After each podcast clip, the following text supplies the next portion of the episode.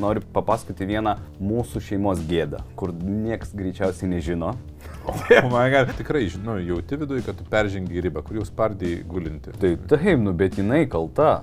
Man sunku su tavim diskutuoti dėl to, kad aš nesugebu apginti savo nuomonės. Žinai, žmonės sako, jeigu uždirbtumėm daugiau, tada viskas išsispręstų. Tai spėk, esu pasiuntęs ar ne? Esi? Man, mano klaidas tai turi priežastis, o jis, jis tai tiesiog suklydo specialiai žmogus. Ir aš pasidėjau diktafoną ir išrėkiu viską, ką galvojau tuo metu. O ką aš masažistai pasakysiu? Skauda man? Nu ir ką? Aš žiauriai, tiek to. Čia galiu dalintis nuomonę. Įs- Įspėjimas buvo pradžioje uždėtas, ne?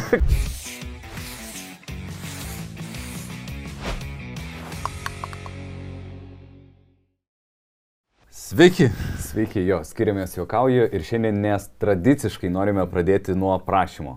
Taip, nuo pat pradžių norim paprašyti, kad jūs paspaustumėt like, paspaustumėt share, paspaustumėt svarbiausia subscribe. Mums svarbu, kad jūsų, jūs pasiektų informaciją, o jeigu jūs jau žiūrite ne pirmą podcastą, tai jau tikrai laikas paspausti tą subscribe.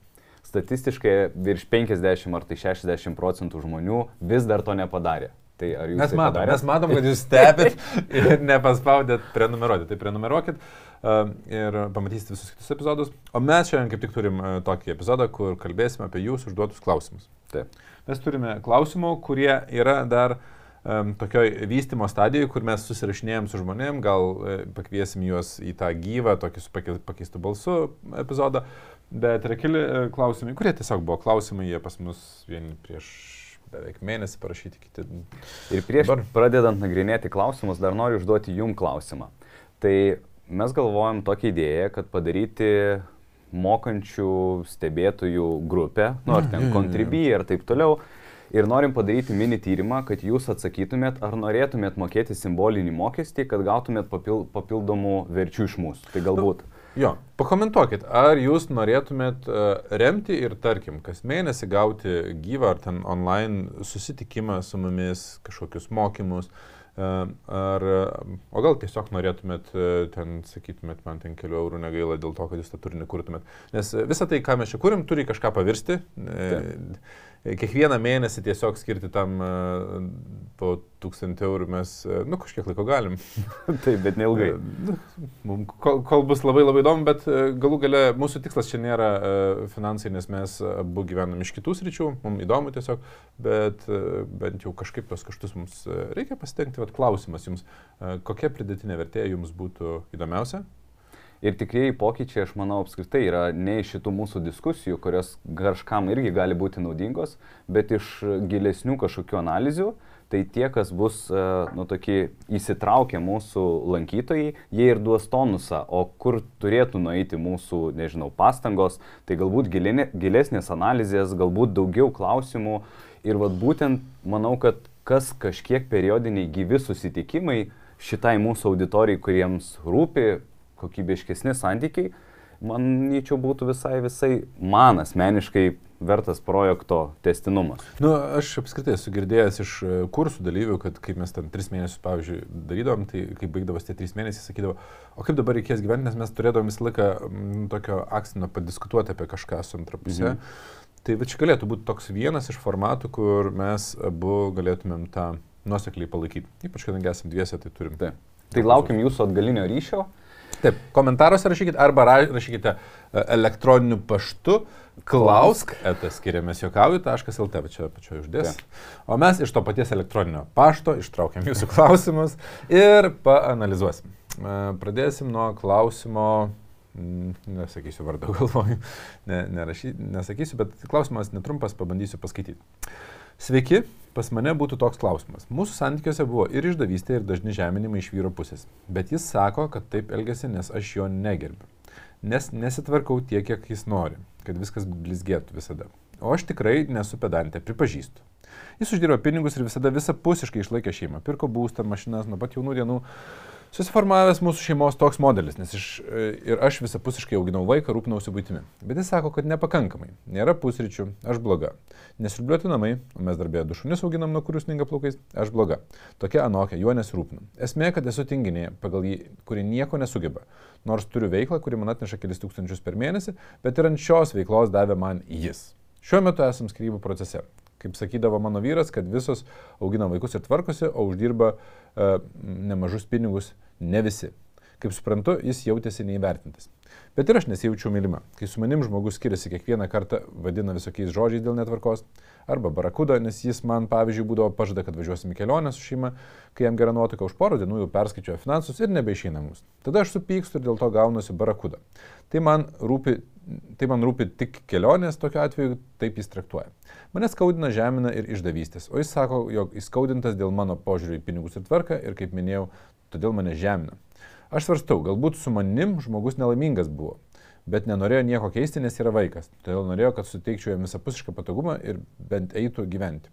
O kai to negavo, negaudavo, pykdavo. Ar yra būdas atskirti tikrą meilę nuo patogumo?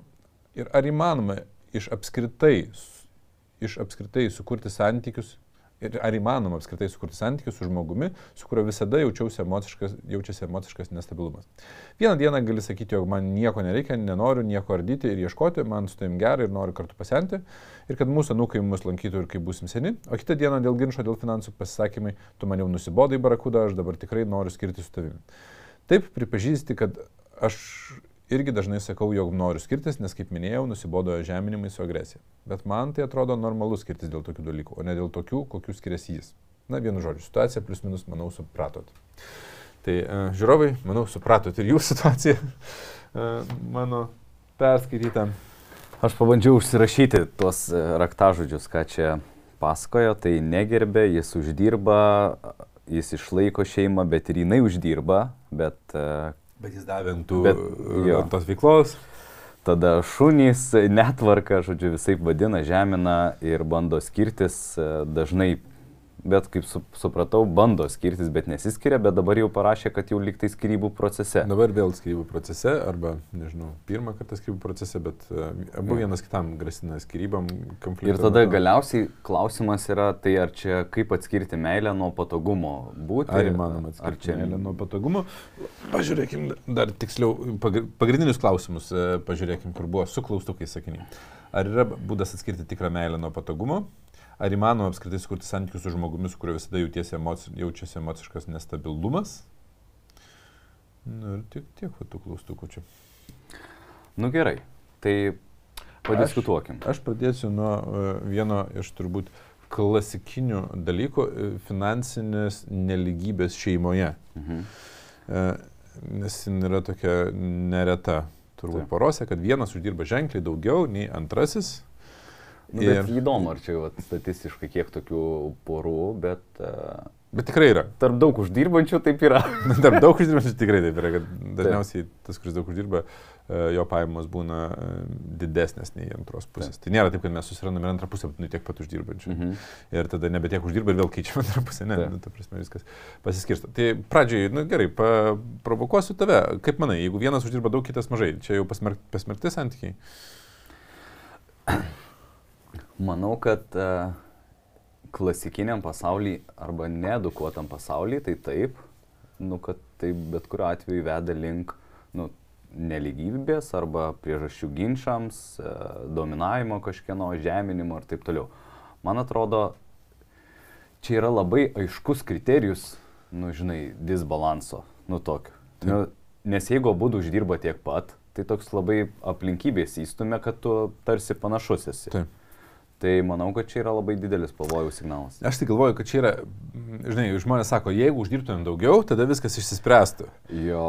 Ir vad ko nemato, kad uždirbimas daugiau yra ir problema, ir jim padaro prielaidas labai nemažai um, tokių blogų um, dalykų santykiams atsirasti. Bet tarp kitko, aš noriu pritarti ir tam pirmam pasakymui, nes yra dvi kategorijos šeimų.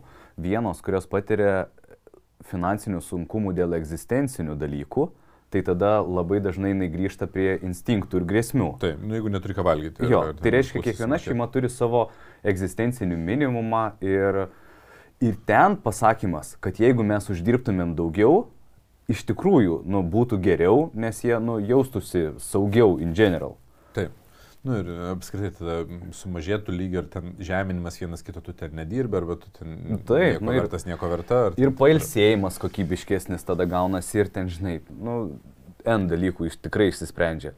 Bet čia yra kita kategorija, kai tu jau uždirbi pakankamai ir galvoji, kad va, kuo daugiau pinigų. Jo, bet matai, nėra tokios ribos, nėra taip, kad kai tu atneši atlyginimą, tai didesnė, bet dabar tu žinok, yra pakankamai, jau dabar čia, jau, jau visos jūsų problemos turi spręstis, nes mums atrodo, kad tada dar trūksta, mes dar daugiau dirbam, mes susikūrėm tą dar didesnį gerbuvį ir šalia, aš nesakyčiau, kad tai yra blogai, kad mes daugiau uždirbame, nu kažkuris iš poros daugiau uždirba, aš tik sakyčiau, kad su tuo keliauja poreikis, jeigu mes norim santykio kokybiško, edukuoti save, kaip skirstyti finansus pirmas dalykas, o po apačia ten slypi pagrindas, kaip mes poroje apskritai vienas kitą traktuojam. Ar mes traktuojam lygiai vertiškai, ar, nu, vat vyro sakinys, man vienas ten užstrigo parašytas, Mhm. kad e, vaikus prižiūrėti ir valgyti gaminti moka visos, o uždirba didelis pinigus, tai ne visi. Aš atsimenu diskusiją šitą temą su klientu, daug uždirbančiu, ir jisai labai aiškiai pasako, kad žiūrėk, nu yra tam tikri dalykai, tu negali sakyti, aš tvarkau namus, suteikiu tau patogumą, o tu uždirbi pinigus ir čia lygiai vertiškas. Nu ne, nu blemba, tu namų tvarkymą gali nusipirkti ir įrėminti nu rinkos kainą. Tai negali sakyti, va, aš stengiuosi, bet kaip čia vat namus tvarkyti. Bet žiūrėk, man, va šitas, man, aš ne vieną kartą esu girdėjęs tą matavimą ir dabar vieną knygą klausiau ir ten vėl tą patį matavimą sako. Tai jūs, moterim ten buvo patarimas, jūs įsivertinkit savo uh, kasdienės pa paslaugas, tai yra skalbimas, lyginimas, ten tvarkymas, vaikų priežiūros valandinis, Mhm. ten uh, įskaičiuokit ir naktim, kai keliatės ir ten viską ir sudėkit į vieną sumą ir tada maždaug vyras jau ne, ne- nebežiūrės tokiam akim ir supras, kad jūs čia daug dirbat. Šiau rimtai, jeigu mes einam į tokį ginčą, mes šį išspręsim, mes, nes, žiūrėk, ginčas, jeigu mes turim linijinį, spre- bandom ieškoti linijinio sprendimo, kas kaltas, kas ne, tai mes vis tiek statysim porą, kad vienas kažkuris yra teisus, o kitas yra, nu, kitą žeminkim dabar, va, tu jų, nesvarbu, net jeigu suskaičiavus gausis, kad moters tie, žinai, e, visi dalykai už, nu, kainuoja daugiau negu vyras uždirba, tai, nu, blogai, nes poroj vis tiek vienas yra, nu, blogai besijaučiantis, kitas tipo teisus. Jeigu vyro daugiau, vis tiek blogai, nes tada moteris, aš nemanau, kad čia yra išeitis. Tokia. Nu, blin, Aš Nėra išeičių, galbūt gilesnė priežastis yra, bet aš manau, kad tai yra pagrindas įvertinti. Pavyzdžiui, aš, jeigu man Agnė prašo kažkokią užduotį atlikti, Mhm. nu, pavyzdžiui, jinai nori, kad aš ten nežinau, savaitgalį negulėčiau ant sofos, o tvarkyčiausi. Mhm. Nu ir aš tada galvoju, aha, nu ne, aš turiu teisę tvarkytis. Tada jei Tu natūralu... turi teisę ilsėtis. tu, aš turiu teisę ilsėtis. Jei natūralu kyla visiškai su tuo nesusijusi kažkokia e, mintis, kad, ai, tai jisai galvoja, kad aš, an, nu, jinai turi tvarkytis, kai tuo tarpu jisai gulės ant sofos ir žiūrės, kaip aš tvarkausi. Ne, aš taip nesakiau, bet pasakymas, kad ne, aš nesitvarkysiu, Aš sukelia konteksto prieš. suteiksiu, aš galvoju, mes pažįstame vienas kitą, bet žiūrovai nebūtinai. E, Ir, ir mano ir tavo šeimose turbūt yra panašiai, kad mes uždirbam didesnę, didesnę pajamų dalį e, nei antra pusė. Taip. Nu, dabartiniu etapu. Jo. Tai, nu, tiesiog. Tai reiškia, mums šita situacija artima, kaip išlaviruoti tą nu, teisybės jausmą. Taip, arba kaip, kaip, ne, kaip nevadinti žmonos barakų. Negrasint skirybam kiekvieną kartą. Ir... Tai bet žiūrėk, atrodo paprasta situacija, aš savo mintį kaukuliuoju, kad jeigu aš noriu pasisamdyti žmogų, kuris per savaitgalį tvarkytų, tai man kainuotų ten nuo 50 iki 150 eurų. Ir aš nusipirku net nedarimą namuose. Ir aš galiu susimokėti. Bet tai nereiškia, kad aš verčiu ją. Kai tuo tarpu Agne galvo, ir aš jai sakau, aš dar ne, bet žinai ką, va čia mano edukacija prasideda, kad o kaip man pasakyti ne, kad jinai neįsižeistų, nesuprastų, kad ją žeminu ir taip toliau. Tai ir jeigu aš pasakau, nusisamdykim, kas sutvarkys, ne, tai man gaila pinigų. Ir va čia jau tada prasideda, ar mes turim, čia dar iki skirstimo greičiausiai, kol mes turėjom susitarimus, Taip. biudžetus atsieja visus šitus dalykus. Ir va čia jau prasidėdavo elementari mano matematika, kur aš tam tikrus darbus įvertinu, kiek kainuotų, jeigu aš visą mėnesį tvarkyčiausi darbus, e, namus, kiek jeigu dirbčiau darbus ir ką aš galiu versti. Tai man atrodo, šitas skaičiavimas jisai turi tam tikros konversijos, bet tai nepareiškia tavo vertės ir indėlio į tai. Jo, n- aš man, mano galva, kad jeigu mes pradedam matuoti savo vertę poroje pagal tai, kiek mes pinigų uždirbam, arba tai, kiek mes esam pakeičiami ar nepakeičiami, tai mes pamirštam vieną labai paprastą dalyką, kad e, realiai tai kiekvienas iš mūsų esam unikalus, nepaisant to, kiek uždirbam moteris ar vyras, nu, jis yra unikalus, jis nėra pakeičiamas kitų žmogum, nes jis bus, e, nu, kitoks jau tas kitas žmogus. Tu turėsi visiškai kitokį rinkinį savybių, kitokį rinkinį Taip. patirčių, e, galų gale tai nebebus tavo vaiko mama, jeigu tu pakeisi, ar tavo vaiko tėtis ir taip toliau. Tai yra, nu, ypač kai yra vaikų, tai yra jau iš vis tikrai nepakeičiamas žmogus su kuriuo tu būsi santykė visą likusį gyvenimą. Dėl to man atrodo, kad pirmas pagrindinis ir sunkiausias sprendimas yra nuspręsti viduje, kad jeigu aš esu santykė su kitu žmogum, tai aš jį laikau lygiai verčiu. Tai apie ką aš jau nežinau, kiek kartų esu čia kalbėjęs. Nu gerai, man patiko e, tavo vienas pranešimas mokymuose, kur tu teikiai, darai pranešimą apie autoritetus Mhm. Ir ten padarėjai atskirimą, kurio aš niekada galbūt nebuvau padaręs, tai kad žmogaus vertė nuo profesinės vertės, nu, du dalykai, kuriuos galima taip, atskirti. Taip, profesinė vertė nėra žmogaus vertė. Nes šiuo atveju, jeigu žmogus uždirba ir jo gabumai yra generuoti kapitalą, tu negali nuvertinti, kad jis turi eiti valyti ten klozetų. Nes aš tai turiu valyti ir dabar tu turi valyti, aš noriu, kad tu valytum. Ir jisai aišku, kad tas vyras jaučiasi negerbiamas už savo indėlį į šeimą. Taip. Ir tas pats būtų, jeigu toj vietoje būtų moteris. Nu, nes... Jo, bet kas šiai... įdomiausia, dar kai pradeda ginčyti tą dalyką, kur taip, tu esi nevertas ir čia nesvarbu, kad tu uždirbi daug pinigų ir taip toliau. Rimtai. Bet žiūrėk, bet iš kur, iš kur tas kyla? Dėl to, kad mes fundamentalaus viduj e, pojūčio neturim, kad poroj mes esame abu lygiaverčiai. Ir jeigu vyras pradeda grįžęs, įsivaizduok, nu kažkokiu, aš ne, nežinau, kas pradeda poroj, net, net nėra svarbu, pradeda žeminti antrą pusę, kad žiūrėk, aš uždirbu ir aš spręsiu, ar, me, aš, aš ilsiuosi ar ne, kur mes einam, neinam ir kada tu žiūri vaikus, kada ne. Antra pusė natūraliai pradeda jausti nuoskaudą, kuri pasireikš kažkokiu būdu. Ta. Ir, nu, pasireikš, ar, nu, žinai, kad tu turi tvarkytis, ar pasireikš, kad tu turi su vaiku būti, ar kad tu, nu, ta prasme, pradės kontroliuoti tave. Ir Ta. čia yra uždaras ciklas, kuris visą laiką pasireiškia, jeigu vienas iš mūsų pradedam žeminti, kitas tikrai pradės kontroliuoti žeminti atgal. Tai pavyzdžiui, įsivaizduok. Pirmas dalykas, kai aš mintį suprantu, kad mes su Agne, nepaisant to, kiek uždirbam arba kokius rezultatus pasiekėm sociume, mes indien kaip žmonės esam labai brangus vienas kitam ir Taip. lygus. Taip, lygiai, aš lygiai verčiai sakyčiau, lygus, tai žinai, mes, nu, ne, mes įvairiose srityse labai skirtingi esame. Ten pinigų uždirbime vienaip, jėgoji kitaip, emocijų, emocijų supratime Taip. kitaip, kaip ten praeitame epizode sakai, uh, vaiko edukacijos, žinai, norėjime ten mokytis. Vėl kitaip yra. Nu, kiek, kiekvienoje srityje mes, žinai, jeigu aš, čia esmė ta, kad jeigu aš save lyginu uh, su ten savo, nežinau, pianino mokytę pagal mūsų gebėjimą groti, žinai, klavišiniais, tai. nu tai aš jausiuosi tikrai sumenkintas, nu, nes, tai. nu, nes jinai visą gyvenimą tą daro, aš tik tai šiek tiek ir taip po dvi valandas per savaitę, žinai. Tai pirmas dalykas, kurį aš labai labai rekomenduoju, dabar įsivaizduok, mes turim šitą atskirimą nuostatų lygmenį, kad mes atskiriam profesinius gebėjimus ir, ir asmenį kaip, kaip asmenį. Taip Ir kai turim šitą būdų, mes tada labai lengvai galim grįžti į nusinulinimo, kur tu išreiški pagarbą jam, koks jis yra, koks jis brangus, kad mes esam lygiai verčiai ir taip toliau. Tada sprendimo paieškos yra daug lengvesnis. Bet aš žinau, nu, kadangi su tokiam porom man yra tekę dirbti ne vieną ir ne du kartus, kad tame yra nu, beprotiško sunkumo užduotis Taip, for sure. Dabar, kai vienas yra įsitikinęs, kad aš esu vertesnis, nes aš uždirbu, nes o moteris yra atkartojama, aš bet kurią galiu pasimti, tai e, ir žinai, kur mano siekis yra, nu, jeigu aš dirbu su tokiu žmogum, tai pabandyti parodyti tam žmogui, kokia vertė yra lygiai vertiškumo, nes kol kas, žinai, Aš žiauriai, tiek to. Čia galiu dalintis nuomonę. Įspėjimas buvo pradžioje uždėtas, ne? kad neklausykit visko. Nu, kad, e, kad žiūrėkite viską su... Su humoru. Nu, su humoru, su žiupsneliu uh, druskos. Kad...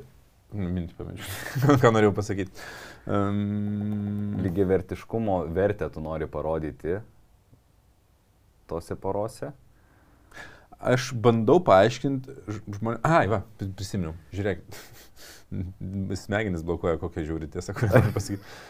Kad žmogus esantis žemesniai emociniai brandoj negeba priimti lygiavertiško santykio. Jis, jam sunku yra priimti, kad aš galiu būti ne um, valdžioj kažkieno, nes aš saugus jaučiuosi tada, kai aš kontroliuoju, kai, nu, kai neturiu, kas, mhm. kas mane, žinai, gali sukontroliuoti. Ir jaučiuosi labai blogai, jeigu mane kažkas kontroliuoja, dėl to aš tengiuosi vis patekti aplinką, kur aplink mane visi yra žemiau, nu, kad aš mhm. galėčiau kontroliuoti. Ir čia yra žem, dažnu atveju yra žemesnės emocinės brandos, žemesnio samoningumo uh, efektas toksai, kuris vyksta. Mhm. Ir tokiam žmogui, uh, tam, kad suvoktų, jog gali būti ne žemiau kažkieno, o tiesiog būti su kažkuo atviras ir mhm. ryšyje yra labai um, nu, ne, neapimama, jis ne, ne, negali apčiuopti, nes tokio santykio dažnu atveju yra neturėjęs, nes nuo vaikystės ten tėvai žemino, dar kažką žemino ir tada tu išsiugdai, kad aš dabar, nu, aš būsiu valdžioje, žinai, aš, aš pasieksiu, aš būsiu. Aš atsimenu, e, dažnai pasakoju šitą metaforą, kuri dažnai žmonėms suprantama, yra tai, kad pavyzdžiui, vienas universaliausių, nežinau, saviverčių virtuozų yra Dalai Lama, kuris gali bendrauti kaip lygus lygus su šalies prezidentais. Ir jisai lygiai taip pačiai į tokį patį santyki gali ateiti su Elgeta, kuris mm. nieko neuždirba. Ir, ir jisai ir sako, sako, tu atsistok, atsisėsk, mano. Dabar labai kontroversiškas Dalai Lama po liežuvio skandalų. taip, gali būti. Bet man tai yra tam tikras e, siekėmybė savo bendravime, kad aš galėčiau su kiekvieno žmogus susitapatinti ir atskirti socialinius gabumus, profesinius gabumus ir įeiti į lygivertišką santyki, bet man asmeniškai tai yra be galo sudėtinga, nes, pavyzdžiui, mes dabar žaidžiam su broliu tenisą ir kai tu žaidi nudvėjetus, mhm. tu turi... Porai su broliusi? Aha. Tu turi atleisti kiekvieną blogą jo šitą, nes tai kainuoja, nu, tarsi. Veiksmai. Jo, jis padaro klaidą, jis galbūt e, mažiau žaidžia, mažiau ir aš darau klaidų. Bet kai jis padaro, aš turiu nepa, neištransliuoti. Mano, mano klaidas tai turi priežastis, o jis tai tiesiog suklydo specialiai žmogui. Kur ta prasme, pavyzdžiui, ten žinai, aš e, servuoju į autą ir aš turiu antrą kartą perservuoti ir priešininkai visi mato, atrodo, visi mato, kad aš už linijos pataikiau ir tiesiog perdoda man kamuoliuką ir jisai eina žaidžia. A, kaip, kodėl tu šitai darai? O jis tuo metu, nežinau, užsimastė, užsigalvo ir atrodo lygioj viet. Ir man šiandien treneris sako, čia yra blogiausias dalykas, ką tu darai. Tu gali nesakyti, bet tu ištrant, tu mat, nu, partneris mato, kad tu pyksti. O čia ir su broliu dar turėtų būti šiek tiek lengviau, nu, su saugusiu broliu, kai jau, nu, nes jūs vis tiek, nu, ne, Bet ne, ne kiekvieną yra, kad... dieną esat kartu, o su antra pusė tu, nu, dažniausiai žmonės kiekvieną dieną būna kartu po x valandų. Žinai. Bet, pavyzdžiui, aš stebiu, nu, tipo, aš save priskiriu prie sąmoningų žmonių. Čia iš praeitą epizodą. Ir, žodžiu, tai arba bairis, arba ženklas, arba dar kažkas visą laiką išlenda, tas kažkoks pašiepimas, nelygivertiškumas, kur... Tai, žinai, nu, Gerai, pasakykime ir tą, žinai, pasakėme, pasakykime ir B, kad lygiai vertiškumas, kad mes būtumėm visiškai lygiai verčiai, yra utopija. Nes mes nuolatos e, vienas kitą šiek tiek kontroliuojam, šiek tiek sumenkinam tyčia, netyčia, net nebėra taip svarbu. Klausimas, kaip greit mes grįžtam ir kaip ta amplitudė vis ar didėja ar ne, nes Šitas laiškas, kur parašyta, ten akivaizdu, kai prasideda vadinimai barakuda, skiriuosi, ne, nenoriu tavęs matyti, iš vis nieko verta, ten, Te. žinai, nu tai akivaizdu, kad čia jau yra įsisubavęs neligiavertiškumas, jį, aš esu... Um, žinai, Dievas, o tu esi šiukšlė arba atvirkščiai. atvirkščiai jo, arba toj būsi. Ir žinai, aš vakar Instagrame sulaukiau uh, klausimą, nes ten buvo vienas apie, na, aš tiesiog ten dariau tokį kvizą ir mm, uždaviau klausimą, nu kokią čia problemą matot. Uh, Ir, žinai, ten buvo pažymėta, kad neligiavertiškumas, sako, tai kuris čia kurį žemina, man už, mhm. užduoda klausimą. Ir aš užduodu klausimą atgal, žinai, žmogui. O įmanoma, kad... Tik vienas. Jo, vienas be kito egzistuotų. Ir aš supratau, žinai, šipsenėlėm, kad nu, mm. neegzistuoja taip, kad vienas žemina, o kitas tai jau ne, nes mes kai pradam jausmus, nuoskutą, mes pradam žeminti atgal ir ta, žinai, amplitudė būna tokia, kad vienas aukštai iš Dievas tu šiukšlė ir po to ta šiukšlė suranda momentą, kada gali pažeminti, nu, tą vyrą šiuo atveju. Na, nu, aš duosiu vieną iš pavyzdžių. Jeigu vienas labai žemina ir reikia, o kitas tipo nežemina, tyli, užsidaro kambarį. Tai yra analogija, nes kitą tu užblokuoji ir dabar tu neturi teisės su manim šnekėti ir gaunasi Taip, nu mes, mes žodžiu, randam būdų, kaip paspausti skaudžiausius mygtukus ir tokiu būdu. Ir, žinai, o tai, sakysite, tai kas tas lygiai vertis santykis, kuo jisai jau toks kokybiškas. Tai aš turiu tokį vieną paaiškinimą, kurį kartais uh, naudoju. Jis nėra e, apimtimi labai tikslus, bet uh, užtat, žinai, toks uh, įsijautimo yra.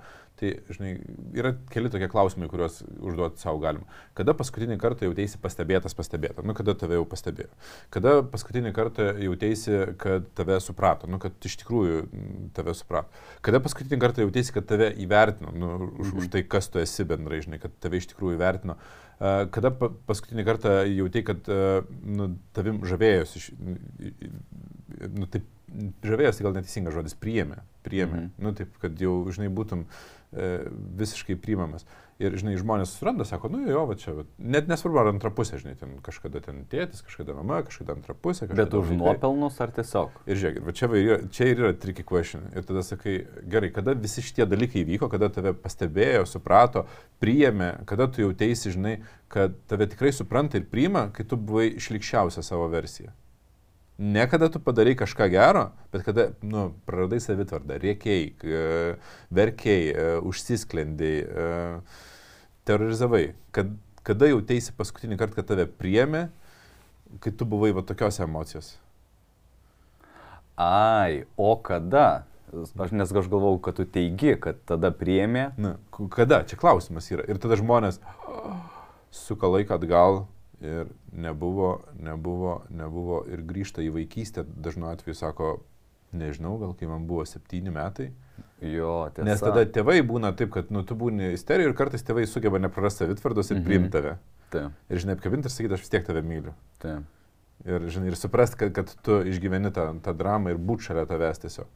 Ir mes pamatom, kad plemba, mano gyvenime neatsikartoja. Ir tada, ir čia dar ne pabaiga tricky question, nes galvoju, tėva antra pusė manęs nepriema. Ir tada apverčiam klausimą, kada tu paskutinį kartą ką nors priemyti. Ir, ir ten yra, žinai, vat, čia yra, mes prinam prie lygiavertiškumo, nes mes iš karto pradame, ai, tai manęs nepriema ir dėl to, o kada tu priemi, nes jeigu mes nepriemam, tai ir mūsų neprims. Bet atsimeni, e, mes kažkada šnekėjom apie tai, kad jeigu tu dirbtinai sakai e, tam tikrus dalykus, pavyzdžiui, pagiras, Taip. žinai, nu ten, sakykime, antrai pusiai pradedi visą savaitę ar mėnesį sakyti daug pagirų. Taip. Aš Ir- prieš, aš priminsiu, aš esu prieš. Jo, aš už esu. O, o Vytautas už.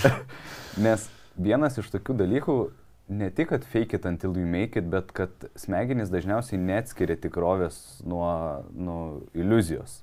Ir šiuo atveju aš atsimenu savo savijautos virsmą, kada aš norėjau arba siekiau to, kad aš galiu priimti Agnę visokį. Ir barnio metu aš dirbtinai iš pradžių sakydavau, aš tave myliu ir tokia. Dabar dar, dar gražesnė kaip pyksti. Du kur, du va, tau ir jokinga. žino tą, ar tik dabar sužinos? Aš Kas iš to? Ar žino, ar... Aš nežinau, bet kai aš tą darydavau, aš pats stebėjau, kad visa tai veikia ir manyje. Ir kuo aš dažniau tą darau, tuo labiau šlifuojasi mano reakcija ir aš iš tikrųjų mokausi pirmą iš sakymo, tada iš išjūtimo, kad, okei, okay, aš galiu ją tokią bandyti priiminėti. Bet tada atsiranda kitas dalykas, pavyzdžiui, jeigu mes einam jau į diskusiją konflikto ir Tarp kitko, beje, beje, daugelis konflikto diskusijų, čia tarp kitko mano praeitos savaitės išvalga yra įsiklausiusi į Agnę žodžius, jinai sako, man sunku su tavim diskutuoti dėl to, kad aš nesugebu apginti savo nuomonės, nu, arba trūksta argumentų, arba, žinai.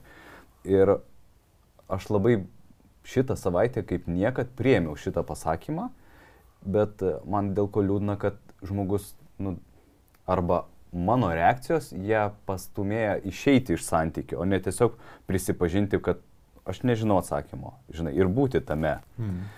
Bet Tai- čia, žinai, nu, aš Bet nesakau, palauk, kad aš nepabaigiau dar minties. Tai, uh, ai, ir tada, kada aš mokiausi priimti uh, konflikto metu, nu ją kažkokią, aš atskyriau du dalykus. Vienas dalykas, mes visi norim būti priimti, nu kaip, nu nežinau, aš esu nenuotaiko, jūs ten kažkoks. Yra daug lengviau priimti žmogų liūdną, piktą, nusivylusį, susierzinusi, kai jis tavęs nepingina. Taip, kai, kai ne, ne tavo emocijos. Taip, jisai pyksta ant viso pasaulio, bet ne ant tavęs. Taip. Tada tu tą savo rolę kaip ir instinktyviai gali atlikti.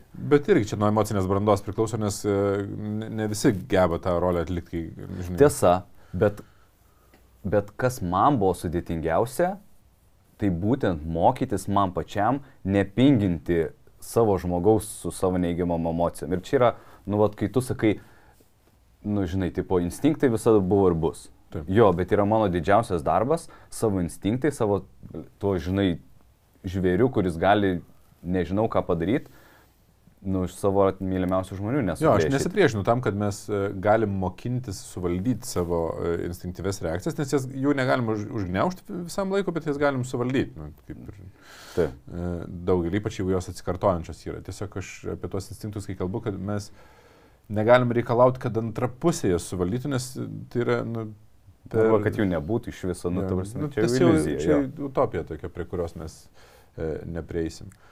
Bet e, kas liečia tą feikinimą, tai, žinai, aš galvoju, kad galbūt, žinai, galbūt yra atveju, kai tikrai tas fake it till you make it veikia, jis veikia ir finansų srityje, kai žmonės ten verslė apsimeta, kad turi, nu, ten yra tų pavyzdžių, kurie patys po to prispažįsta, kad aš feikinau, kol, žinai, ten išnuodavau mašiną, rodydavau visiems Instagram'e ir po to, žinai, Mhm. patikėjo manim ir, nu, galų galę aš jau uždirbu dabar, jau Taip. galiu nusipirkti, žinai. Ir, tai e, gal ir santykiuose galimai tai gali suveikti, bet e, aš nemanau, kad tai yra pats tvariausias būdas. Aš manau, kad reikėtų identifikuoti tikrą iššūkį ir jeigu tikrasis iššūkis, kad aš negebu priimti, nu, pavyzdžiui, to paties lygiaverčio santykio, kad mes galime aukti su mano emocinė e, branda šitoje srityje. Ir netgi kai aš vadinu emocinę brandą, tai reikėtų suprasti, kad mes galim būti labai žemoje emociniai brandoje vienoje srityje, nu, tarkim, su antra pusė, ir labai aukštoje emociniai brandoje ten kitoje srityje, su darbuotojais. Mhm. Nes mes toj srity skiriam daug laiko ir mes suprantam, kas vyksta ir ten priežastis pasiekmes ir netgi psichologiją suprantam, o vat, santykiuose mes, žinai, mus trigina. Bet vat, dėl ko man labiausiai liūdna, kodėl darbe, pavyzdžiui, galima būti aukštesnio, aukštesnio samoningumo, nes ten nėra tiek, nu, to Kodėl nu, lengviau būti darbė? Tiek įžeidimų, žinai, tu tam tikrą filtrą vis tiek laikai, žinai, kur tu nepasiunti ant trijų raidžių. Tu matai, kad Aš žinau, pyksti, aš bet... podcast'e niekada gal nepasakau, e, žinai, e, bet e, vienas dalykas, kas yra su antra pusė, kad aš, tarkim, kad ir kiek dalykų žinau, nu, ne apie santykius pačius, bet ir apie ten emocinius, žinai, iššūkius, kuriuos ir kaip galima spręsti, aš negaliu su Davilė dirbti. Ir aš negaliu jai padėti. Ir aš tą esu minėjęs ne kartą. Gam tai iš vis, ką. Ką, ką iš viskam tu gali ką nors padėti, ne? Bet uh, aš supratau, kodėl visai neseniai, kai aš buvau pas masažistę ir buvau po ilgo laiko tarpo, ten po kelionės ne- nesimasažavęs ir dar ten viskas užspaustas skauda ir mane masažuoja ir man taip skauda. Ir kažkaip man tuo metu susivedė, kad jeigu čia būtų Davilė, aš taip apšaukščiau sakyčiau, atstok nuo manęs, nelys, nespaus man, man skauda, žinai, tipo, nes aš neturiu filtro, aš neturiu e, Taip, taip. ribos uždės. O ką aš masažistai pasakysiu? Skauda man? Nu ir ką? Kentek, nes, nu, nu čia ateitų, čia tokia. Ir aš tą darydavau, aš atsimenu, kaip ten Dovilė darydavo um, makiažus ir, ir reikėdavo grimo ten prieš kokį filmavimą, atsisėdi ten kokią kitą visažistę ten grimuoja ir galvoja, nu užtenka, jau gali gal baigti, bet nu, pasėdi iki galo. Dovilė pradėjo, nu užteks, užteks, viskas atstok, tik užtenka, man čia viskas gerai. Tipo, nu kodėl aš taip darau, tipo, Taip. bet čia yra todėl, kad mes uh, santyki, mes turime atviresnį santyki. Ir bet kita vertus ir jautresnė. Aš... Taip, bet kartu, žinai, čia ta- tas pats, e, yra ta pati diskusija su vaiku, mama ir tėčiu. Viena, viena diskusija tokia įdomi. Mhm. Mama, vaikas ir tėtis. Ir, e, nu, šiek tiek stigmatizuota bus situacija, bet, nu, taip jau yra Lietuvoje. Ne vieną kartą esu girdėjęs. E, kad mama būna su vaiku, vaikas grįžta ten rėkia, isterikuoja ir, tipo, mama išvažiuoja kur nors ir palieka ten dienai su tėčiu. Ir klausia, kaip vaikas. Gerai, viskas, nie- nieko, ne, nieko nesakė, viskas ramiai mėgojo, mėgojo pietų, mėgojo pietų, viskas valgė, valgė, žinai. Uh, grįžta mama iš tos pačios kelionės ir vaikas pradeda isterikuoti. Ir sako, čia va, ma- matai, čia tu, žinai, mamai, nu, tipo, va, čia tu tokia. Ir yra dvi, žinai, besipriešinančios teorijos. Viena tai, kad uh, vyras labiau moka ten brėžti ribas ir dėl to tas vaikas ir nu, normaliai elgesi ir ten taip toliau. Kam, kuo aš stipriai abejočiau dabar žinodamas daugiau apie ribas. Mhm. Ir kita teorija, kuriai gal aš net labiau pritarčiau, uh, vaikas jaučiasi saugesnis rodyti savo tikrasis emocijas šalia mamos. Nes jis yra... Uh, Labiau priimamas. Jis, ar, nu, jis arčiau buvo, jis buvo maitinamas, nu, dažnu atveju, čia nėra vis, visiškai universalu, tai yra statistiškai, mhm. bet statistiškai vaikas dažniau buvo daugiau šalia mamos, nu, jis buvo maitinamas krūtim, jis buvo šalia, jis buvo prisiglaudęs, jam kvapas, viskas, ypač labai labai mažam amžiui. Jis, jam... Ir plus, žinai, krūtinė buvo jo nusiraminimo šaltinis. Taip. Ir dėl to jisai išlėdamas emocijas, jisai nueina nuvalgyti ir tada nusiramina. Tai. Ir, ir kas gaunasi, kad šalia mamos jisai jaučiasi saugus būti vat, savim visokiu. Nu, ta mhm. prasme, kad Nu, čia yra hipotezė tokia, bet ir, ir aš jai gal labiau pritarčiau, žinai. Ir tas pats gaunasi ir lygiai verčiame santykė, kad jeigu mes turim lygiai verti santykį, kur mes nebijom, kad kitas perės į galios poziciją ir mus žemins, nes lygiai verčio santykio kur yra esmė, kad aš nebijočiau, kad mane žemins. Nes net jeigu žemins, aš žinau, kad bent jau tas žmogus atsiprašys, nes jis neturi tokios teisės ir jis pats tą žino. Žinai. Jo, va čia. čia nes žemint mes vis tiek žeminsim vienas kitą. Nu, mes, žinai, paspaustau kažkokį mygtuką. Mhm. Bet pats tas faktas, kad aš žinau, kad kai mes su Davilė susėsim po to kalbėtis, tai nu, ir aš, ir jinai žinosim, kad mes neturėjom teisės taip elgtis, mes nu, e, priimsim savo tos veiksmus, mes galim pakonfliktuoti, nu, ten pusdienį, kelias valandas, gal didesnis konfliktas ilgiau, bet uh, Bet iš principo mes grįšim prie to, kad... Bet o ką daryti tiem, nes aš žinau begalis atvejų, kur žmonės jaučiasi žeminami arba yra žeminami ir jie neprieina prie tokio momento, kad kitas žmogus suprastų tą, atsiprašytų ir nu...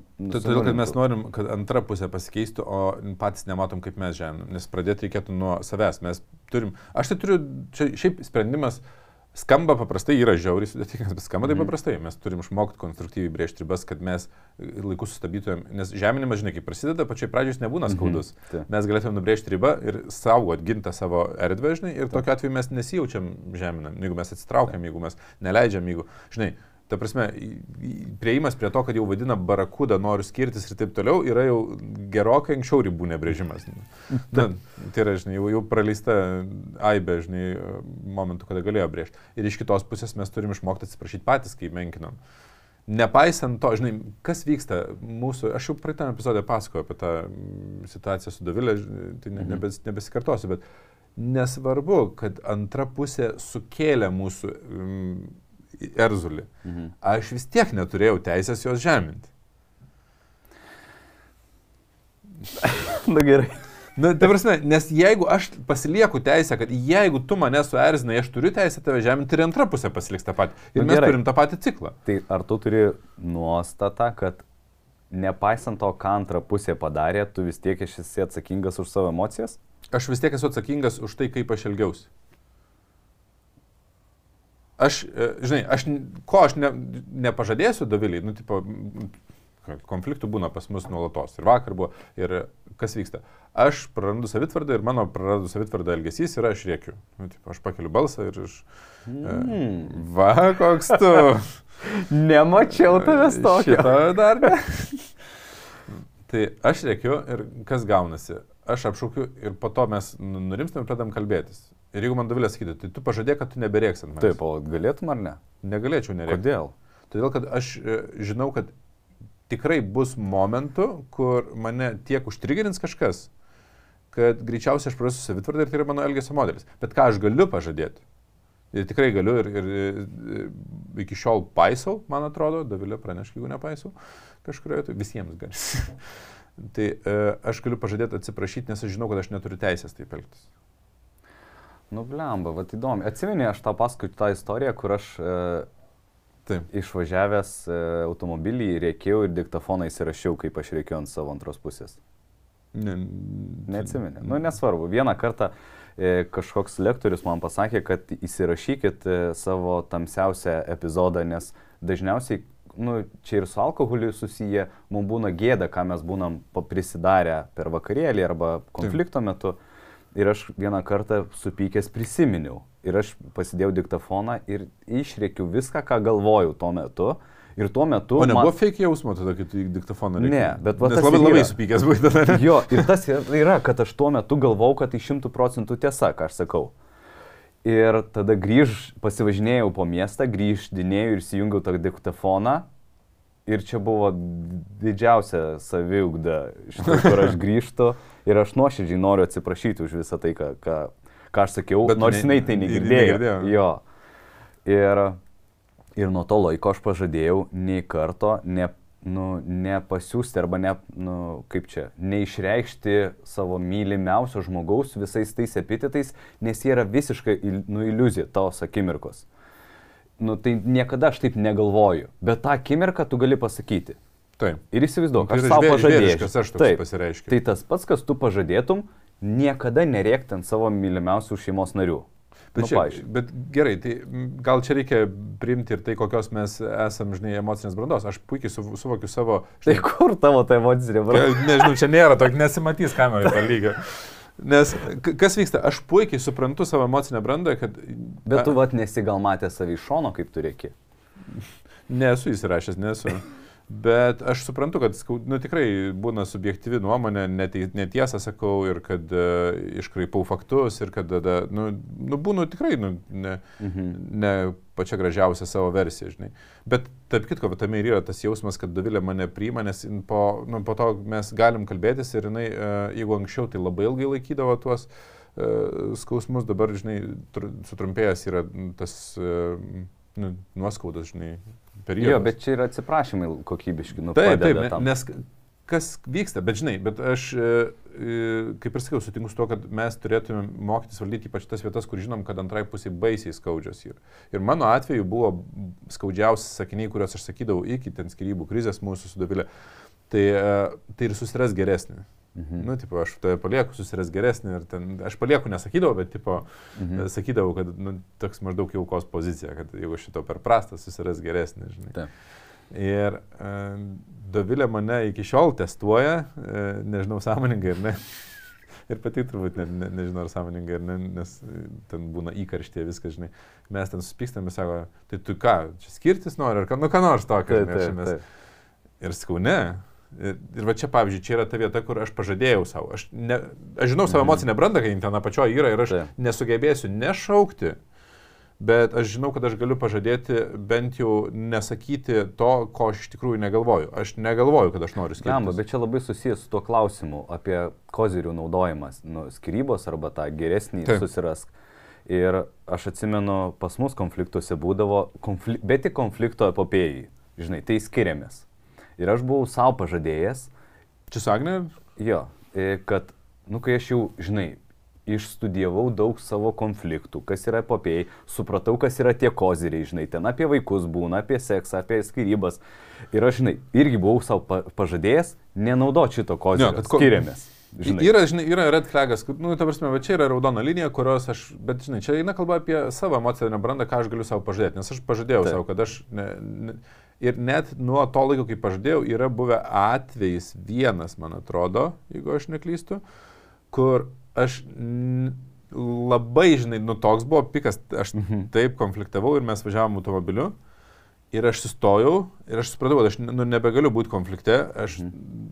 numečiau raktelius, išlipau už mašiną, aš vairavau. Sustojau, išlipau, nu- numečiau raktelius ir nuėjau. Tipo. Mhm. Ir tai prilyksta toks, kad aš palieku žinai, kita to- versija. to- Tokia, žinai, bet nors iš tikrųjų tai aš ne, nu, tiesiog nuėjau, žinai, bet, e, bet, žinai, kažkaip pasąmonė vis tiek mus bando apžaisti. Ir aš supratau, kaip Dovilė jautėsi po to, nes mes kalbėjome, žinai, blem, bet čia yra tas pats, kaip pasakyčiau, susiras geresnį, žinai. Taip. Tai ir to daryti, žinai, ne- ne- e, pažadėjau. Tai vat, po truputį, žinai, gal kai man bus dar plus 20 metų, aš sakysiu, vytų, tai aš jau pažadėjau. Tau liko tik pusei- 10, sakyčiau. Na, skaičiuojant, kad Jo, jo. 20 metų turi būti santykis iki, Iki rojaus. taip. iki rojaus. Uh, čia iš uh, epizodo su Darim Ražausku, nežinau, Jo. kuriam, kada kuris pasirodys čia. Bet žodžiu, tai gal tada aš sakysiu, kad aš jau esu pažadėjęs nešaukti, bet dabar, pavyzdžiui, nu, tu tikrai gali pažadėti, kad tu nekelsi balso Taip, bet žiūrėk, aš noriu užbaigti dvi, dvi storylinus du. Vienas dėl, dėl kozirio. Tai aš esu savo pažadėjęs konflikto epopėjai nenaudoti šito kozirio. Taip. Apie kitus savo nepažadėjau. bet, bet Agnė tai ne, iš vis nežinojo apie šitą kozirį. Ir jinai labai mėgo sakyti, bet, bet, bet čia esminis dalykas. Kai jis sakydavo, aš noriu skirtis, tai aš šimtų procentų tikėjau. Ir jinai, kai tik sako, ir aš blin, ir aš sakydavau priešingai, ne, nesiskirsime, spręsim, įspręsim, kad ir kaip sudėtinga. Ir, Ir čia vėlgi, fake it until you make it. Aš paskui ir per seminarus tą istoriją, kur, kur mokymų tik tai vedamas, aš pradėjau sakyti, ne, nesiskirsim, mes eisim ir išspręsim. Ir tik po kažkiek valandų sakymo, blemba, gal ir čia patikėjau, gal ir galim išspręsti. Na, aš dabar klausau, klausau, žinot, tas fake it till you make it, tai aš gal sakyčiau, uh, treniruotės vardan, nu, pastreniruot, žinai, raumenį. Nu, e, Gal, Bet čia, žinai, čia change your pattern, nu, nes tu turi kažką įnešti naujo į tai, kad tu kiekvieną dieną, kiekvieną konfliktą darai. Ir ten bet kas, atsigulk ant pilvo, suveiktų, žinai. Jo, yra N turbūt būdų, kaip galim ugdyti savo emocinę brandą tam, kad mes galų gale gebėtumėm primti ant žmogų šalia savęs, e, kuris galbūt mus menkina tuo metu, žemina, kontroliuoja ar dar kažkaip. Ir, nu, panašu, kad vienas gal iš būdų ir gali būti fakeint, treniruotis ten sakyti kažkokius žodžius, kuriais pradžiai net. Čia, bet čia ir Kitas būdas yra... yra, kur tu, nu, keiti savo Jo, sinapses aš, ir... aš žinai, aš toks e, pakankamai e, atviras įvairiems būdams, kurie žmonėms veikia. Jeigu veikia, jeigu jums yra ok, Taip. that's ok. Nu gerai, žiūrėk, tai baigiu. E, ir jinai sako, skiriamės. Ir aš savo, savo įsit, nu, tą, žinai, eilutę. Ne, nesąmonę išspręsim, ne, nesąmonės. Ir išsprendžia. Ir ta prasme, ir nežinau po kiek laiko, po kiek metų buvo momentas, kur aš sakau, good. Bet aš taip pasakiau, kad aš tuo metu, aš taip ir norėjau. Na, taip. Ir viskas. Nes tu, žinai, tu treniruojas, treniruojas, bet e, reikia net mes gal vieno fakto, vieną dėmenį, žinai, įdėti visą tai. Tu ne tik feikinai žodžius, tu tuo pačiu metu domėjai santykiais ir tai reiškia tavo emocinė branda augo.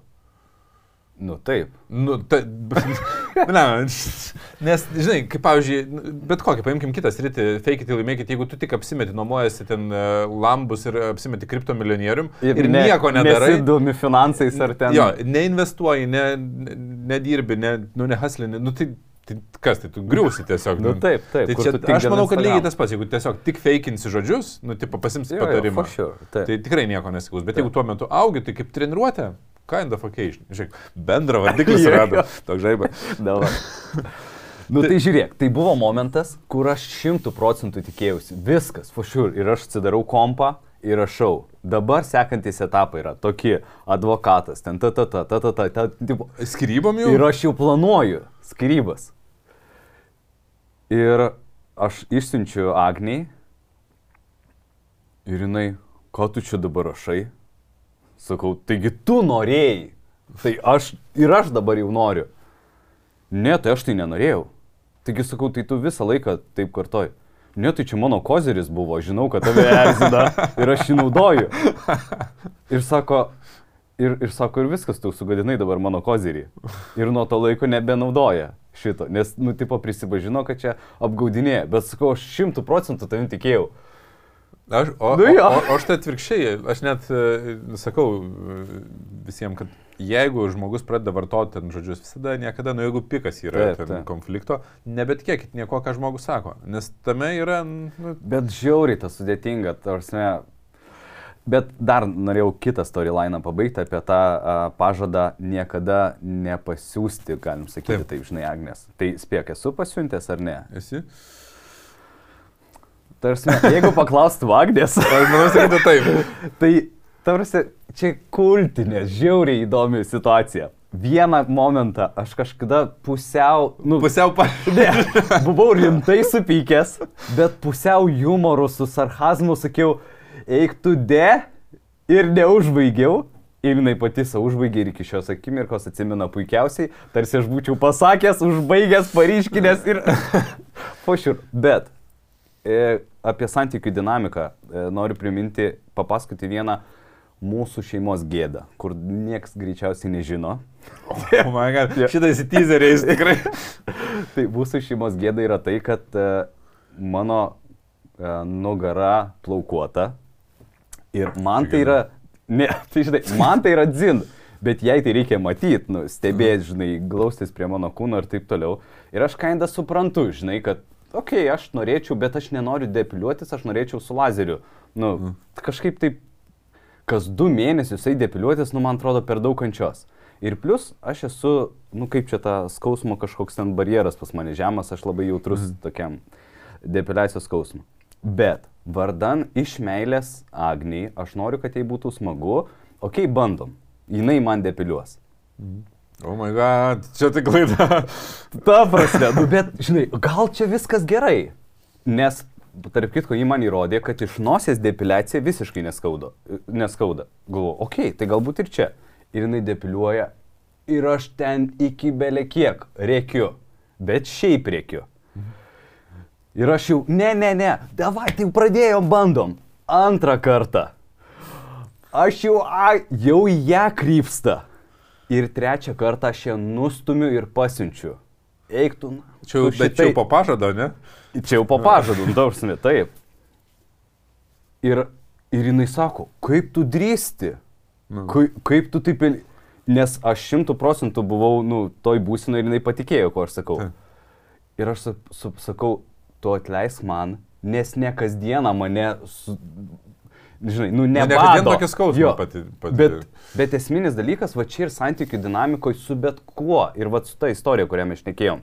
Jeigu tu tą patį kasdieną darai, pinginį, prasideda tokie procesai, kur... Tu, toks skausmas, kur vieną tu ištveri, antrą ištveri, nu, tipo, ištveri ir kažkurio tu nebeištveri. Ir metų metais tą žmonės daro ir Taip. jau viskas už, užtenka vat mažo tokio ir Barakutą tortą. Bet, aš čia bet ir gražinsiu prie to, kad kai aš sakau, jeigu Dovilė manęs prašytų pažadėti, kad aš nekelsiu balso, aš įvertindamas sąmoningai save sakyčiau, nu negaliu pažadėti. Bet aš galiu pažadėti, kad aš atsiprašysiu, nes aš žinau, kad aš nurimsiu po to. Ir aš nebetikėsiu tuo, ką Ta. sakiau, žinai. Tai bet ir, ir, ir tu žinai, kaip sakai, nu, tai pažadėkim ten vienas kito, niekada nemeluoti ir ten niekada ne, ne, nepakelt balsą. Nu, tai yra Ne, mes tik žmonės esame, taip pasakysiu, nu, žinai, mes visi žmonės, vienas žurnalas sako, aš sakysiu, mes tik žmonės, tai nu, mes turim tą savo, žinai, visi mygtukų plemą, kurie taip skauda. Ir ne, nu, ne, nebūtinai su depliacija, žinai, kitų, kur skauda. E, vaikas verkia. Iš antros pusės gaunu reakciją, kad nėra čia ko verkti, čia yra nesąmonė, ir čia neverk vos ne kaip mergaitė, viskas čia yra gerai. Aš nenoriu, kad jisai neverktų. Jeigu jis tuo metu verkia, jis vadinasi turi dėl ko verkti. Pakankamai artima šita situacija, nes aš turėjau santykius, kur buvau su vaiku, kuris nebuvo mano biologinis. Viena dažniausių iliuzijų moterų yra, kad Man atrodo, kad vienas, jau, viena jautriausių temų apie poros santykius, kai yra ten vaikų, arba net ne vaikų, augintinių kartais būna.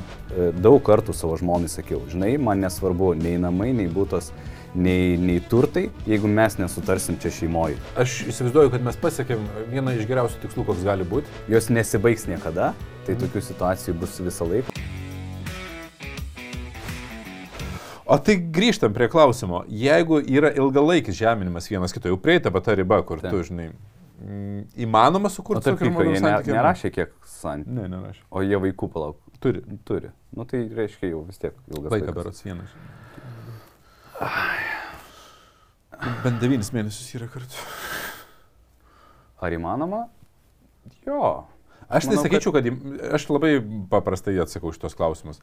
Įmanoma, tik pastangų kiekis reikalingas yra ženkliai didesnis nei būtų buvęs reikalingas anksčiau. Ta. Kai buvo tik tai, nu, tos lėtinės problemos, tik jas nekreipėt dėmesio. Ir, žinai, ar, pasi... ar yra priežasčių pakankamų tiek pastangų įdėti, nežinau ir nėra garantijos, kad tos pastangos atsipirks. Mm -hmm. Tai nėra, kad tu žinai, bet yra algoritmas, tu šituos veiksmus, jie labai sunkus darai ir tu jau gausi, žinai. Tave žemino, o tu sakai, kad aš myliu, būsi ten. Na, žinai, kai ten maratoną bėgi, nu, labai sunku, tu žinai, bet jeigu tu bėgsi 42 km ir, ir nubėgsi tą maratoną, nu, tai čia ne visai taip yra. Tu žinai, čia gali būti, kad tau skudės, bet kuo yra naudingi tie veiksmai, kuriuos darysi, kad tu išmoksi e, nekartoti tų pačių emocinių klaidų kituose santykiuose, jeigu šitie iširs ir greičiausiai su šituo žmogum tau bus lengviau palaikyti ryšį, net jeigu šitie santykiai iširs ir jūs busite tiesiog tėvai vaikų. Mm. Nu, nes bendrauti Taip. teks išmokti. Kodėl sakau, kad bus lengviau, nes jeigu žmogus yra santykė nuolatos kasdien, tai net ir rašo, kad yra labai gražių momentų, noriu su tavim pasenti, ten viskas mm -hmm. labai fainai, o yra tų momentų, kur vieną kartą nuplėšė, antrą kartą, trečią, nu, tipo, skaudėjo, skaudėjo, skaudėjo ir ten prasideda dažnai jau tas pikas. Bet, vat, kai skaitai ir... tą vietą, kad, e, sako, noriu pasent kartu ir taip toliau, vat įdomu, žinai, čia vieno prasme ilgalaikė ar kito. Nes tai tarp kitko indikuoja, kad... Čia apie vyro žodžius sakė. Pan... Nu. Jo, tai man indikuoja, kad tas prasmės e, pagrindas yra pakankamai, nu, motivuojantis stengtis abu du.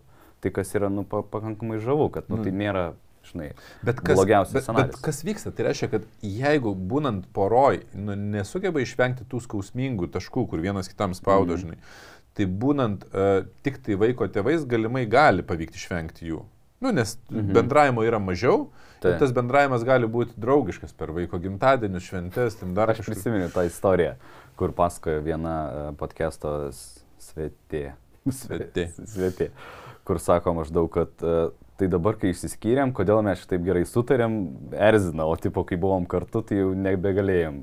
Tai, Nu, bet, žinai, bet, sutart. bet tai taip, nu, nes yra mažiau interakcijų ir mes Mažiau lūkesčio, mažiau Taip. jo nuovargio ir e. Sutarti, tas pats kaip su kolegom, žinai, e, mums sutarti yra lengviau. Taip pat kaip e, žmonės, kodėl e, neištikimybė taip stipriai susižavi, nes pamato žmogų, kurį mato kartą į ten savaitę ar kelis kartus.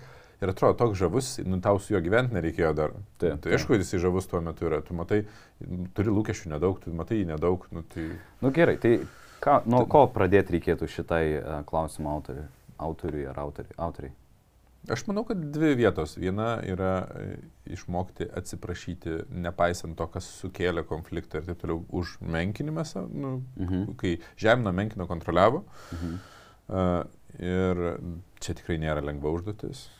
Nes mes turim, apie- bet šitoje vietoje aš turiu, žinai, pa- pasaky, pasakymą, nežinau, ar feikinimas padės, nes feikinimas sukuria netikrumo jausmą ir dar didesnį konfliktą. Ok, mes esam diskutavę. Yra e, vienas klientas, kuris, nu, kaip ir aš, yra labai loginio pagrindo ir jisai sako, "Pff, kad aš atsiprašyčiau, man turi įrodyti, kad aš klydau. O kita pusė, jinai, nu, tik tai emocinė kalba. Bet ten- žinok, aš šitoj vietoj labai e, lengvai randu susikalbėjimą su klientais, kai mes kalbame akis į akį, nu, kai nėra jokių išorinių. Mhm. Ir sakau, žiūrėk, nu, tu dabar e, turėjai epizodų, kada tu e, gali suprasti, kad antra pusė jautėsi sumenkinta, kontroliuojama, pažeminta. Ne? Mhm. Sakau, jo, yra buvę. Taip. Bet mano ketinimas tai nebuvo. Jo, buvo, viskas gerai, ten pradžioje Taip, teisė. jinai pati jautėsi jos Taip, atsakomybė. taip, taip, taip, bet jeigu mes kalbame toliau ir aš... Tai nebesikalbu. Žiūrėk, Na gerai, gerai. Ir aš sakau, nu, dabar nuoširdžiai, tai paimk, nu, tipo, per, perkratyk momentus paskutinius, kai taip darai. Ar yra momentų, kur tu jau tikrai, žinau, jauti viduje, kad tu peržengi ribą, kur jau spardai gulinti. Tai taip, nu, bet jinai kalta. Ir va, kai mes prieinam, sakau, tai bent jau už šituos momentus, kai tu jau jauti, kad tu peržengi ribą. Nu, kur, tu, kur galėjai jau taip nebežeminti toliau, nes, nu, tu pasakai, išsakai savo poziciją, aš suprantu, tavo pozicija buvo teisinga, žinai, bet šit, už šitą vietą įmanoma, kad, nu, jaustum norą atsiprašyti. Dažniausiai sako, jo. Todėl, kad mes pradedam nuo, žinai, nu, me, mes turim tą momentą, kur, nu, jau peržengiau ribą, jau, jau žinojau, kad antrai pusiai skauda ir aš tiesiog toliau tęsiau, nes buvo saldu, žinai, tas kerštas ir ten. Arba žinojau, kad antra pusė norėtų mano dėkingumo, bet aš iš principo nieko nesakiau. Žinai. Nu, visi, žinai, ten tie tokie, kur ir už tuos, nuo to pra- prasideda mokymas atsiprašyti. Žinai, nu, kur, kur aš žinau, kad aš tikrai jau padariau, o po to mes prieinam prie didesnių. Tai čia viena dalis, bet be kitos dalies šita veiktų dar labiau. Nu, ta prasme, gali būti, kad sakys, nu tai aš į skudro vietą visai pa, Taip. Pavirstų. Todėl, kad kita dalis lygiavertiškai svarbi - mokytis brėžti ribas. Suprasti savo tikruosius poreikius ir mokytis anksčiau stabdyti antrą pusę, iki tol, kol pradeda vadinti barakudą ir, e, žinai, ir ten skirybom grasinti. O aš turiu kitą e, atsiprašymo, e, kaip čia suvokimo, tokį, žinai, platformą. Tai reiškia, kad atsiprašymas jisai gali būti ir už tai, kad tu supranti, kas maždaug ten, nežinau, kokia mąstymo logika. Nes čia ieškoti teisingų irgi nėra logiška, žinai, aš buvau teisus, tu nebuvai teisus ir taip toliau, nes pagrindas kitoks. Bet vienas atsiprašymas yra tai, kad jo, aš supratau, kad taip aš nenoriu elgtis, ta, ta, ta, ta, ta, ta. Bet ar galima atsiprašyti, kai aš jaučiuosi teisus? Ir aš manau, kad galima atsiprašyti, priminant ketinimą, kad aš atsiprašau, kad mano veiksmai sukėlė tau tokius, nepaisant to, kad mano jausmai, veiksmai arba išsakyti žodžiai buvo teisingi, aš atsiprašau, kad jie sukėlė tau neigiamas emocijas, nes aš to nenorėjau. Aš e, prisimenu Pagauni? vieną, jo, aš pagaunu ir e, ne, Bet ar jau pagaunu? prisimenu Instagramą vieną diskusiją, e, mes ten kaip tik apie atsiprašymus irgi kalbėjom ir po vieno rilso. Ir viena moteris sako, aš kaip tik pasiekiau jūsų patarimu, nes mano patarimas buvo toks, kad jūs galite atsiprašyti už formą, kurią jūs pateikėte informaciją, Mhm, bet neatsimti žodžių. Taip, taip. Nes faktai, ta prasme, mm. gali nekisti, man vis tiek nepatinka, kai tu ten taip elgesi, bet forma, kad aš tave žeminam, žemindamas, žemindama, tai sakiau, tai yra, žinai, aš atsiprašau. Ir, žinai, sako, aš atsiprašau. Ir tada man vyras sako, aš turėčiau čia ką nors pasakyti dabar tau. Ir jis sako, nu jo. Ir prasidėjo naujas konfliktas, sako. Nes jeigu, jeigu mes atsiprašom su lūkesčiu, kad antra pusė dabar kažkaip į tai sureaguotų, tai nu, ta, čia nėra atsiprašymas, čia yra, žinai. Tai įsivaizduoju, kaip turėjo reaguoti mano antra pusė, kai grįžti ir atsiprašai, kaip tu dabar ją vadinai, nors tu tik į dektofoną vadinai. Kaip turėjo sureaguoti? Nu ką, mane čia tai vadinai?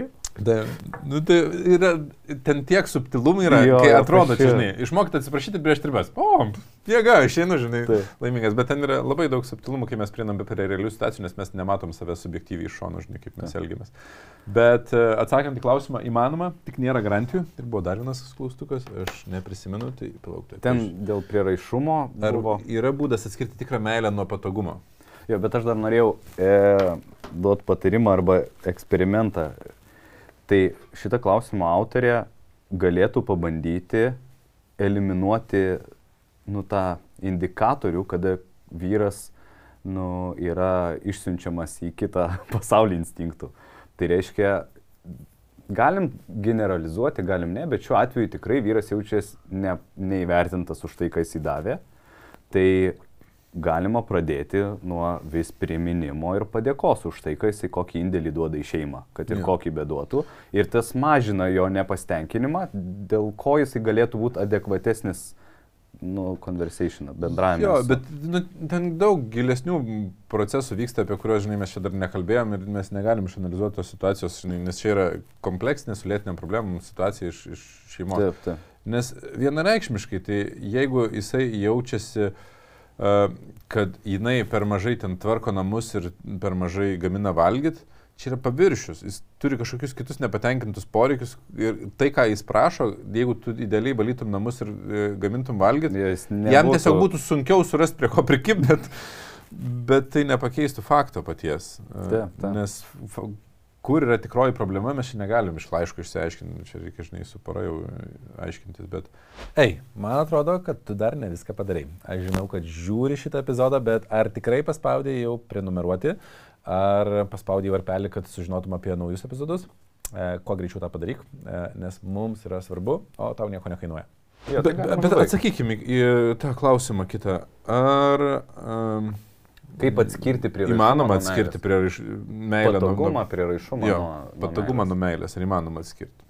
Nes aš, aš tai šitą, su šitų klausimų labai relatint galiu. Nes aš buvau pas psichoterapeutį iškėlęs tą klausimą ir kai aš lankiausi terapijoje po mūsų ten skirybos krizės, tai aš jį sprendžiau kelis mėnesius. Mhm. Ir e, man terapeutė bandė išaiškinti, kad tu negali brėžti aiškios takoskyros tarp, Mhm. žinai, patogumo ir meilės, nes tas žmogus, su kuriuo tu gyveni, jis vis tiek tau sukuria kažkiek ir patogumo, ir nepatogumo Mhm. tame tarpe. Ir um, mes pasirinkam partnerį pagal tai, kas mums yra patogu. Ir žinau, kad tie žmonės, kurie uždirba daugiau pinigų, jeigu mes neturim lygiaverčio santykio koncepto, tai dažnai jaučiasi, kad manęs reikia dėl patogumo ir iš, išnaudojimo maždaug. Nu, nes tai yra labai patogus būdas mąstyti toksai. Yra vienas iš nu, konceptų, kuris greičiausiai nieko nepatvirtintas, yra, kad nu, tipo, mes susirandam partnerį pagal, nu, kaip jis mokytas patampa, ne, pagal tai, ko mums reikia išmokti. Nu, ir tu į kiekvienus santykius atėjęs, arba tuos pačius dalykus spręsi, arba kitus tikrai fašiur spręsi kažkokius. Ir aš manau, kad e, kai kuriuo atveju, tai nu, ir tas, ir tas yra, bet, ai, ką aš norėjau pasakyti, yra poros, kuriuo aš klausiu, žinai, kokioje jūs stadijoje esat. Ten, žinai, įsimylėjusių, draugų, kambariokų, ten ant, sėdi ant, ant sukrautų lagaminų ir galvoji, tik tai pasirodo proga. Ir kai jie identifikuoja, kokioje stadijoje yra, klausia, o kiek ilgai joje būna. Ir, pavyzdžiui, kambariokų stadijoje, čia aš jau ne, gal nesakyčiau, kad čia kambariokai, čia jau, jo, kita. Ai, nu tai jie skirybų procese, jau jau ant lagaminų. Jo, tai uh, atsako, man atrodo nesuvokiama laiko kiekį. Ten keturis metus, kažkas 18 metų. Ir aš, how? Kaip, kaip tiek laiko ignoravo realybę, žinai. Ir čia gali sakyti, nu tai mums buvo patogu. Bet aš sakau, nevelnio, kai tu turi kambarioką, kuris, su kuriuo patogu, tu negyveni tiek 18 metų. Nu tu eini, tu keitiesi. Ir iš esmės, kad būti ir toleruoti, nu mes jau daug kartų šnekėjom apie tai, kas yra meilė. Kad priimti ir pliusus, ir minususus, tau reikia meilės. Ir vad kodėl jūs susilaukėt vaiko, esat, būnat tiek laiko, nu čia buvo meilė ir tu negali to ignoruoti ir sakyti, dabar čia meilė buvo tik pirmus du metus, dabar tik nu, patogumas. Kaip, arba po 20 metų tik prasidės meilė. Kaip iš, iš praeito. Jo, baigsis e, pirmas etapas ir tada pragaras ir prasidės rojus. Aš iš vis, tai gerai, šito klausimo aš sakyčiau net nereiktų kelt, teoriškai. Aš, ta prasme, takoskiros aiškios nėra. Nes Ar, jis- ar, ar egzistuoja, ta prasme, ar egzistuoja tikrai žmonės, kurie naudojasi tiesiog? Žiūrėk. Ar, ar egzistuoja barakudos ir alfonsai? Nu, egzistuoja. Bet kodėl Pasaulyje. žmogus kelia šitą klausimą? Kaip matai? Kaip Nu, manai, nes motyvas? kaltina barakuda. Jam ją vadina barakuda. Ne, jinai savo užduoda šitą klausimą dėl to, kad jinai nori rasti svarių argumentų priimtam sprendimui skirtis arba ne. Ai, nu va, du bičiai per podcastą sakė, taip, čia yra patogumas, reiškia aš dedu savo liuks, reiškia mano sprendimas skirtis yra geras. Nu, toks motyvas. Tai labai dažnas motyvas ieškoti patvirtinimų, kad Jo, mano jisai sprendimas neturi skirtis. savyje nieko nei- nesukuria pridėtinės Aš vertės. nekartą kartuoju ir dar kartą pakartosiu, kad kiekvieną kartą, kai jūs prieinat prie klausimo skirtis ar ne, tai jis yra nesminis klausimas. Esminis klausimas, ar jūs norit mokytis kurti ryšį ar ne. Ar, mok, no, ar norit išmokti brėžti ribas, šiuo atveju, pavyzdžiui, ir ten e, išmokti atsiprašyti už, už dalykus, žinai, atsisakyti teisės menkinti. Jeigu norit, tai e, imkite to veiksmo, o kuo baigsis santykiai, tai garantijų ten nėra. Nu, ta prasme, čia, Taip, taip. Ne, ne, ne tame esmė. Nu, gerai, grįžkim prie klausimo, nuo kurio pradėjom. Tai jeigu pora turi visiškai skirtingus finansinius pajėgumus, Taip. Aš e, manau, kad tuo metu įmanoma kurti santyki ir mes per daug sureikšminam finansinės galimybės tam tikrų gyvenimo etapų, ypač pikiniu tuo ten e, fiziologinio piko metu, kada mes daug keliauti galim, daug sauliais galim ir tuo metu mums atrodo, kad tai yra labai reikalinga.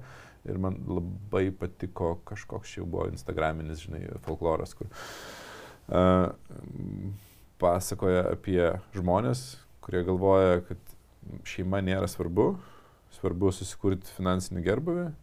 Ir tam psichologas pasako, psichologą ne, neprisimenu, bet kad gale gyvenimo, kai, nu, gale tai yra ta, paskutiniam trečdaliu gal gyvenimo, e, pasiekė, pasiekiama riba, kur dėka to, kad nėra tvirtų ir uh, atvirų ir va, tokių ry, nu, stiprių ryšių su kažkuo, su vaikais, su ten žmona, su, nėra šeimos iš principo, tavo psychological health, tai yra psichologinė sveikata, labai greit žemėja, deklainina, nežinau kaip lietuviškai. Mm. e, Nu, degraduot pra- pradedi daug greičiau. Labai labai greitai tu e, ir tavo finansai niekuo tau negelbėja. Mm. Tu gali turėti, nu, pasakyti, draugų nusipirksi, bet esmė, kad tu nebūni išmokęs sukurti atviro ryšio ir kai aš kalbu su turtingais žmonėmis, o kadangi konsultacija ateina dažniausiai turintis pajamų arba net aukštesnės pajamas, aš pastebiu, kad dažniausias iššūkis ir yra, sakau, tu turi su kuo atvirai pasikalbėti apie tai, kaip tu iš tikrųjų jautiesi. Nu, ta prasme, vat, nu, ne, nemokamai konsultacijų ne pas terapeutą nesako. Ta prasme, iš vis ne, ne, ne, ne tai, kad e, turiu mažai, turiu ten vieną draugą, ar ten neturiu. O mes, įsivaizduok, sprendėm uh, alkoholio priklausomybės Mhm. ir aš sakau, okei, okay, o turi sociumą kur be alkoholio? Ne. Nu, nes Ne- vyresnė amžiaus. to- Neegzistuoja. tipo, Taip, taip, ten, žinai, nu, pavyzdžiui, PM plus verslininkai sėkmingi, kurie nevartotų alkoholio. Tu juokauji? Nu, Nėra ten- tokių, tai mūsų kontraktai visi ant alkoholio. Būtent, ta prasme, žinai, ir, ir tai tolygų Nu, vos jo. ne verslo nesėkmiai maždaug kur. Oh my god. Tai aš dėl to pasakoju, kad e, pasakyti, kad finansai arba ten finansinis pajėgumas, kai sako, e, o žmona tai tenais e, skalbti visi moka, vaikus prižiūrėti visi moka, o, žinai, ten uždirbti ne visi. Gal, bet dabartiniu etapu, vėl žiūrint ten trumpuoju laikotarpiu ir ten nu, vidutiniu laikotarpiu yra labai reikšminga, kad tu gali uždirbti, viskas ok, Mm. bet ilguoju laikotarpiu klausimas, ar, žinai, būtent šitas įgūdis tau bus pats svarbiausias, nes Mm. nuo tam tikros ribos ten nebebūna labai didelio skirtumo, nu, kokybės labai smarkiai nebekeičia tavo gyvenimo. O kiti įgūdžiai, kad jeigu, pavyzdžiui, šalia atsiduria žmona, vat, kuri dabar yra toj pozicijoje, ir jinai išmoksta kurti ryšį, ir net jeigu uh, vyrui sunku, žinai, tame visame, bet nu, antra pusė ne, neprovokuoja ir, ir išmoksta, žinai, brėžti ribas, išmoksta jį laikyti, kaip, pavyzdžiui, Davilė išmoko mane, žinai, ten, aš pradedu logiškai smurtauti, nusako, gal baigs su- su- su savo smurtą, žinai. Ir aš, nu, kaip, ir net nebeturiu ką pasakyti, žinai. Taip, kaip, kaip darė, atsimeni, sakė, pasižiūrėk savo paskaitas.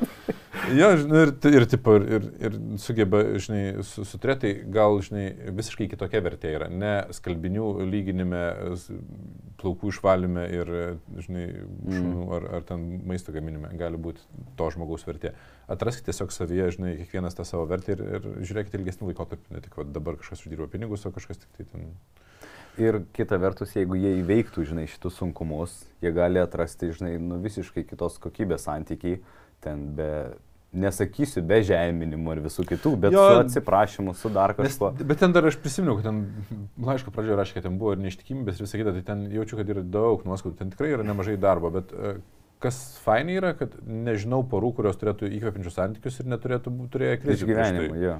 Ir jeigu išgyveni labai didelę krizę, tai atitinkamai turi labai didelę prasme tą santykį išlaikyti ir tu supranti, kad niekas kitas tavęs taip neprims, kaip tas žmogus, kuris jau išmoko priimti tave ir su tavo, nu, juodžiausiam akimirkom, kai tu buvai, žinai, ir ten neištikimas, ir ten žemina ir visa kita, bet tave priėmė Mm. ir po to, žinai, lieki tam santykiai. Tai, nu, čia labai didelė dovana, jeigu sugebam vienas kitą priimti. Tai žodžiu, palinkėsim sėkmės e, klausimų autoriams ir visiems, kurie bus ir susidurs tikrai su iš visokiais iššūkiais. Primenam, kad pakomentuokit, jeigu buvot užsižiūrėję, ar norėtumėt e, kokio nors um, Jo, mokamo bonusų re, už remimą. Nu, at, apskritai, ar mes čia galim link to judėti, ar ne, mums įdomu. Jo, kiek, kaip- kiek tokių yra žmonių norinčių kokią grupę ir tada priklausys ar kursim ar ne. Arba parašykit uh, ir galvojam, kokius tris klausimus atsakysit. Taip, bet vienas pakankamai. Bet geras buvo klausimas. Ilgas. Gerai, tai ačiū, ir Ačiū. iki kitų epizodų. Iki. Subscribe, kaip ten, like, share, subscribe. Taip, prenumeruokit ir kitus paraginkit Jo. prenumeruoti. jo, broliai, sesiai. Taip, Giminės pas- Paspausk, jo. žmona. Viskas, iki. Iki.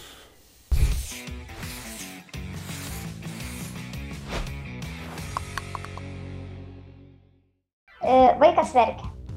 Iš antros pusės gaunu reakciją, kad nėra čia ko verkti, čia yra nesąmonė ir čia neverk vos ne kaip mergaitė, viskas čia yra gerai. Aš nenoriu, kad jisai neverktų. Jeigu jis tuo metu verkia, jis vadinasi turi dėl ko verkti. Pakankamai artima šita situacija, nes aš turėjau santykius, kur buvau su vaiku, kuris nebuvo mano biologinis. Viena dažniausių iliuzijų moterų yra, kad Man atrodo, kad vienas, jau, viena jautriausių temų apie poros santykius, tai kai yra ten vaikų, arba net ne vaikų, augintinių kartais būna. e, daug kartų savo žmonai sakiau, žinai, man nesvarbu nei namai, nei būtas, nei, nei turtai, jeigu mes nesutarsim čia šeimoje. Aš įsivaizduoju, kad mes pasiekėm vieną iš geriausių tikslų, koks gali būti. Jos nesibaigs niekada, tai tokių situacijų bus visą laiką.